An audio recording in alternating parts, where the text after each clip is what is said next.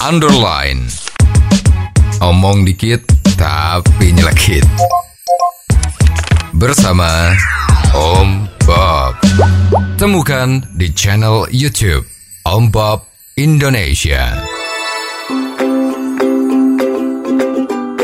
Om Bob, kasus suap jual beli perkara di Mahkamah Agung kembali terjadi. Bagaimana Om Bob menggarisbawahi masalah ini? memalukan. Mahkamah Agung itu Hmm. kan tempat orang di mana minta keadilan. Betul. Kalau di tingkat bawah pengadilan umum itu merasa tidak adil, Mhm. maka boleh mengajukan banding ke Mahkamah Agung. Betul. Ya, di sana secara pengetahuan umum Hmm. kalau hakim agung yang di Mahkamah Agung tadi itu pasti integritasnya, kejujurannya Hmm. itu pasti lebih ampuh dari maaf Ya.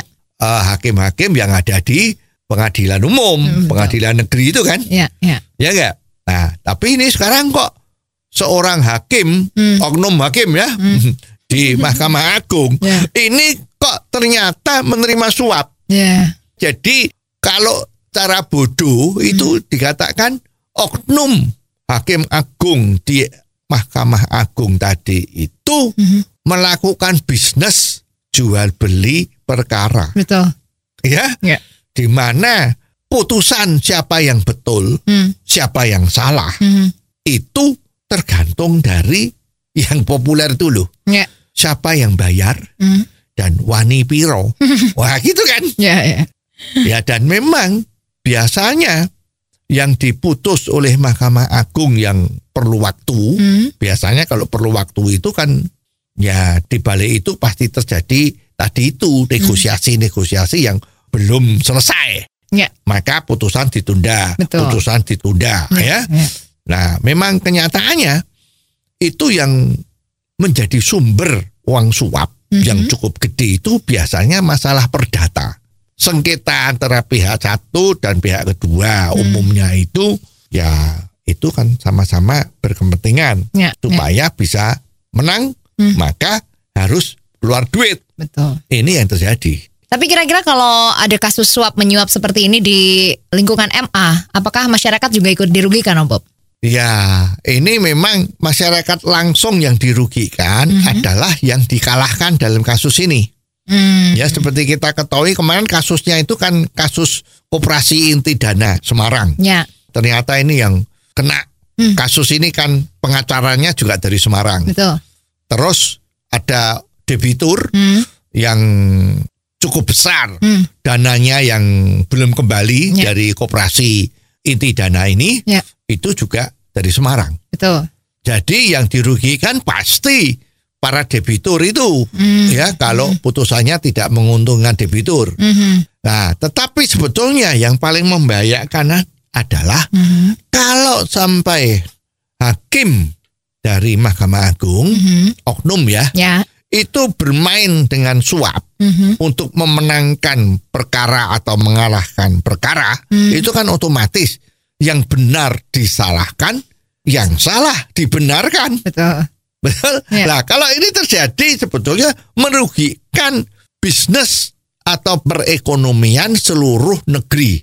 Karena ini menyangkut kepastian hukum, menyangkut keadilan dan kebenaran. Hmm. Kalau sekarang ada pengusaha satu dan pengusaha dua, itu berselisih pendapat atau berselisih karena bisnisnya, Hmm. ingat yang terjadi kasus suap menyuap itu biasanya urusan perdata. Ya. Maksudnya kalau perdata itu duitnya lebih banyak gitulah ya. Nah, kalau ini terjadi, Hmm. maka semua orang berlomba-lomba Hmm. bagaimana caranya Hmm. mengerti berapa tarif atau harga yang dibuka oleh oknum hakim tadi. Ya, ya. Bukan lagi berpikir bagaimana saya berbuat baik Hmm. supaya usaha saya bisa lebih baik Ya. tetapi adalah bagaimana caranya saya bisa menipu banyak orang tetapi selamat.